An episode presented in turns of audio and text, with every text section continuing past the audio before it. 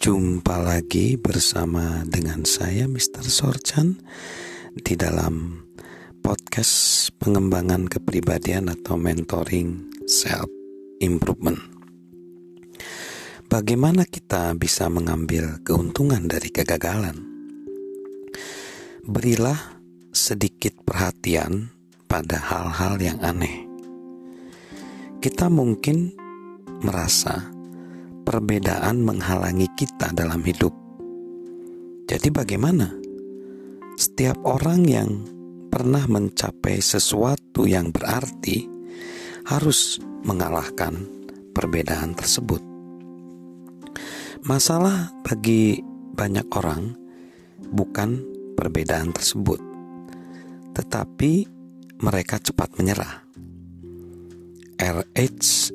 Hedel mengamati sebagian besar orang berpikir terlalu kecil, membidik terlalu rendah, dan berhenti terlalu cepat.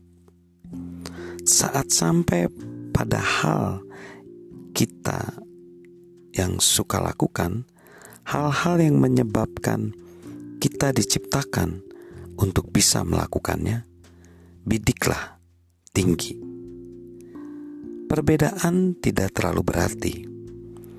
Apakah kita akan jatuh dalam perjalanan tidak terlalu berarti? Kita jatuh saat belajar berjalan bukan? Maxwell Maltz, pengembang Psycho Cybernetics berkata, kita adalah juara dalam seni hidup jika kita mencapai hanya 65% saja dari tujuan-tujuan kita.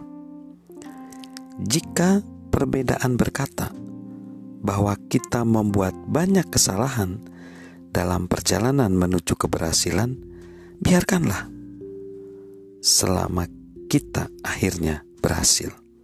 Apakah itu masalah? Ingatlah, jika pertama kali kita tidak berhasil, maka ketahuilah bahwa kita sedang berjalan dengan kecepatan rata-rata. Lalu yang selanjutnya, biarkanlah kegagalan menunjukkan jalan keberhasilan kita.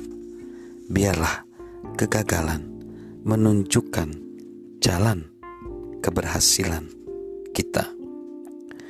Oliver Goldsmith dilahirkan sebagai anak laki-laki seorang miskin di Irlandia tahun 1700-an.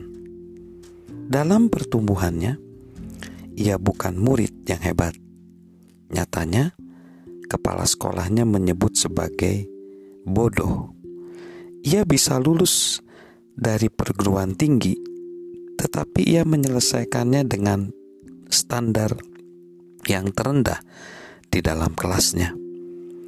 Ia tidak yakin apa yang ia ingin lakukan. Pada awalnya, ia berusaha untuk menjadi seorang rohaniwan seperti ayahnya, tetapi ia tidak sesuai keinginannya bidang tersebut. Selanjutnya, ia berusaha di bidang hukum tetapi juga gagal. Ia kemudian masuk ke dokteran, tetapi ia adalah dokter yang biasa-biasa saja dan tidak bergairah, bergairah dalam profesinya. Ia mampu memegang beberapa jabatan sementara saja. Goldsmith hidup dalam kemiskinan, sering sakit, dan pernah menggadaikan pakaiannya untuk membeli makanan. Nampaknya ia tidak akan pernah berhasil. Tetapi kemudian ia menemukan minat dan bakat untuk menulis dan menerjemahkan. Pertama, ia bekerja sebagai pengamat dan penulis Fleet Street. Tetapi kemudian ia mulai menulis karya-karya yang berasal dari minatnya ia mendapatkan reputasi sebagai seorang novelis, The Vicar of Wakefield, seorang penyair The Deserted Village dan seorang penulis drama She Stoops to Conquer. Ada seorang bernama Tim Master berkata bahwa kegagalan adalah bagian produktif dari keberhasilan. Itu memberikan jalan yang tidak perlu kita tempuh lagi, gunung yang tidak perlu kita daki lagi, dan lembah yang tidak perlu kita seberangi lagi.